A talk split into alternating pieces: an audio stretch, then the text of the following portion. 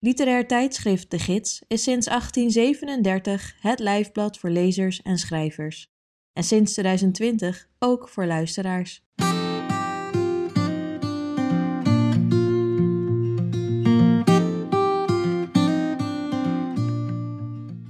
Je luistert naar Sprekende Letteren, een podcast met verhalen, essays en poëzie uit de gids, voorgelezen door de schrijver of dichter zelf.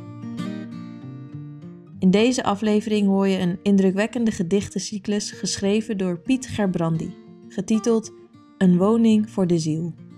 De eerste regel is een citaat uit het laatste gedicht van zijn nieuwe dichtbundel Ontbinding, die net is verschenen. Een woning voor de ziel. Fragmenten uit een leerdicht in aanbouw. 1. Bedelvende borsten te denken, zwaar en wit, zou me van denkend wakker zijn ontbinden, maar tuinde me hoven van verzoeking in, die me van rust en slaap en droom beroofden. Mijn leden en gedachten tolden rond en smachten naar een eindpunt van verdwijning en wachten op verzinking in een grond waarin geen woord meer naar een zin zou raken. Eén uur werd het, en twee, en buiten hoorde ik uilen zich beraden op een jacht die voor de schemering geslaagd moest zijn. Nog even, en acht stappen op het grindpad verkondigden de wederkomst van nieuws waar al het ouds nog niet bezonken was. Waartoe nog bouwen waar het water steeg? Hoe zich te verhouden tot krakende gewrichten? Hoe hoop te kweken voor wie kogels raakten? Waartoe nog schrijven waar geen mens meer las? Ik tolde en verloor me in partijen die vastliepen in pad, waarna opnieuw. Dan dacht ik aan een kunstgreep die mijn me leerde toen ik klein was en wanhopig, wanneer ik slapen wilde, maar niet kon omdat ik bang was voor de diepe dromen die brachten wat niet uit te houden viel. Het middel was eenvoudig, doch doeltreffend. Van teen tot kruin je lichaam af te schrijven, totdat er voor gemaal geen plaats meer bleef. 2. Uit wreef en Hectors hiel kruipt stilte koud je lemen enkels in. Een verzen slaat graag tegen prikkels die haar op de knieën dwingen willen, maar neemt nu haar verlies. Je hebt nog tijd genoeg om aan een haan te komen voor de dokter met zijn slang. Het duurt nog even voor het hart verkilt. Gehavend is je schijnplaatloze linker onderbeen. Je kuit vertoont een ladder die wit en ongevoelig voor aanraking zijn weg omhoog zoekt. Eens heeft daar een arts een middag in een knekelbed getast om wat gebroken was aan een te voegen. Je rechter heeft zijn ingekorte makker steeds dapper bijgestaan en rust nu uit. Laat dit een kleine lofzang zijn op koene tweeheid, kameraadschap tussen leden in één gestalte die één ziel verlijft. 3. Je hebt het stiksel van je dove ladder beklommen tot de knersende scharnieren die wat recht is verdraaien tot het krom staat en wat gekromd is ompraten tot recht. Iedere buiging is een onderwerping aan steile wetten van de zwaartekracht. Wie zich verheffen wil, moet kunnen knielen en elke sprong gaat van een hurken uit. De knie is van het been de gladde naaf, zoals het wiel een knie kent om zijn spaken de voeten van zijn velg te doen besturen.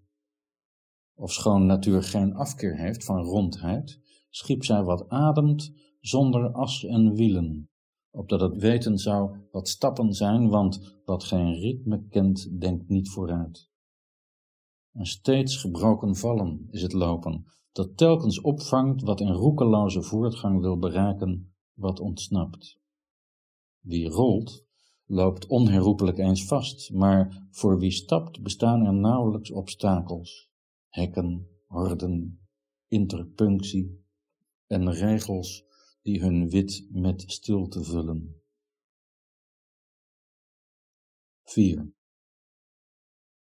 versleten het gewricht dat aan twee dunne knoken een fors dijbeen weet te voegen, dat op zijn beurt een draai vindt in de holte die het bekken aan weerskanten openstelt. Je benen, die in loop elkaar proberen te mijden, liggen nu tam zij aan zij, maar zo dat in het smal ravijn ertussen nog ruimte is voor uitgerolde ballen. Men zegt wel dat we vroeger bolvormig vier benen, twee geslachten en vier armen als mede twee gezichten hadden, tot we ten hemel voeren om de hoogste macht te vloeren. Maar de goden grijpen in en snijden ons door midden. Sindsdien zouden we steeds op zoek zijn naar wie bij ons hoort, maar onherkenbaar is, daar we elkaar van aangezicht tot aangezicht nooit zagen. Je vraagt je af hoe zo'n tweevuldig wezen ooit in een bed de slaap zou kunnen vatten, als het geen rug heeft en gehinderd wordt door dat verstrikkend web van ledematen. Je prijst jezelf gelukkig om de staat van halfheid die je steeds verlangen doet naar helften die nooit helemaal gaan passen. 5. Intussen heeft het uitontwikkeld been toch kans gezien een hecht verbond te sluiten met wielen. Kwestie van twee ferme trappers, getande raderen en een vette ketting. Wie fietst, voltrekt een nieuwe evolutie, een wenteling waarbij de puls van lopen wordt omgezet in draaiing, die de vaart waarmee we reeds gebaande paden gaan vergroten met een factor 4 à 7. Die snelheid kan ons aapbrein nog verdragen. De stroom van prikkels die het zintuig treffen, zal zo de bedding van het neurologisch net die klaar ligt om ervaring te verwerken, niet overvragen. Anders dan wanneer het lichaam zich verplaatst in door motoren aangedreven wagens vol rumoer. 6. Hier is het stil.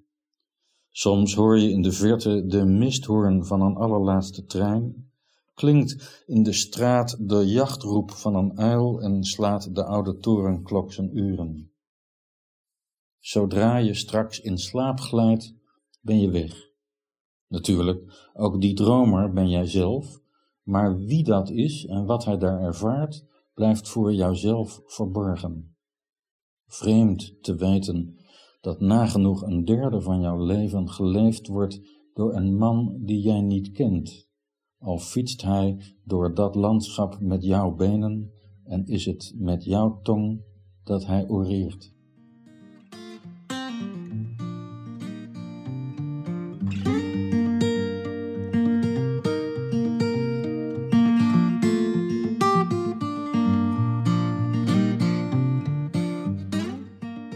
Een woning voor de ziel, een gedichtencyclus van Piet Gerbrandi. Piet Gerbrandi is dichter, klassicus en poëziecriticus. Hij doseert Latijn aan de Universiteit van Amsterdam en is redacteur van De Gids. Zijn nieuwe dichtbundel, Ontbinding, is net verschenen. Wil je deze gedichtencyclus lezen? Dat kan. Alle bijdragen die je in sprekende letteren hoort zijn terug te vinden op onze website www.de-gids.nl. Wat je ook kunt doen op die website is een abonnement nemen op de gids. Vanaf 20 euro per jaar ben je abonnee en steun je het langslopende literaire tijdschrift van Nederland.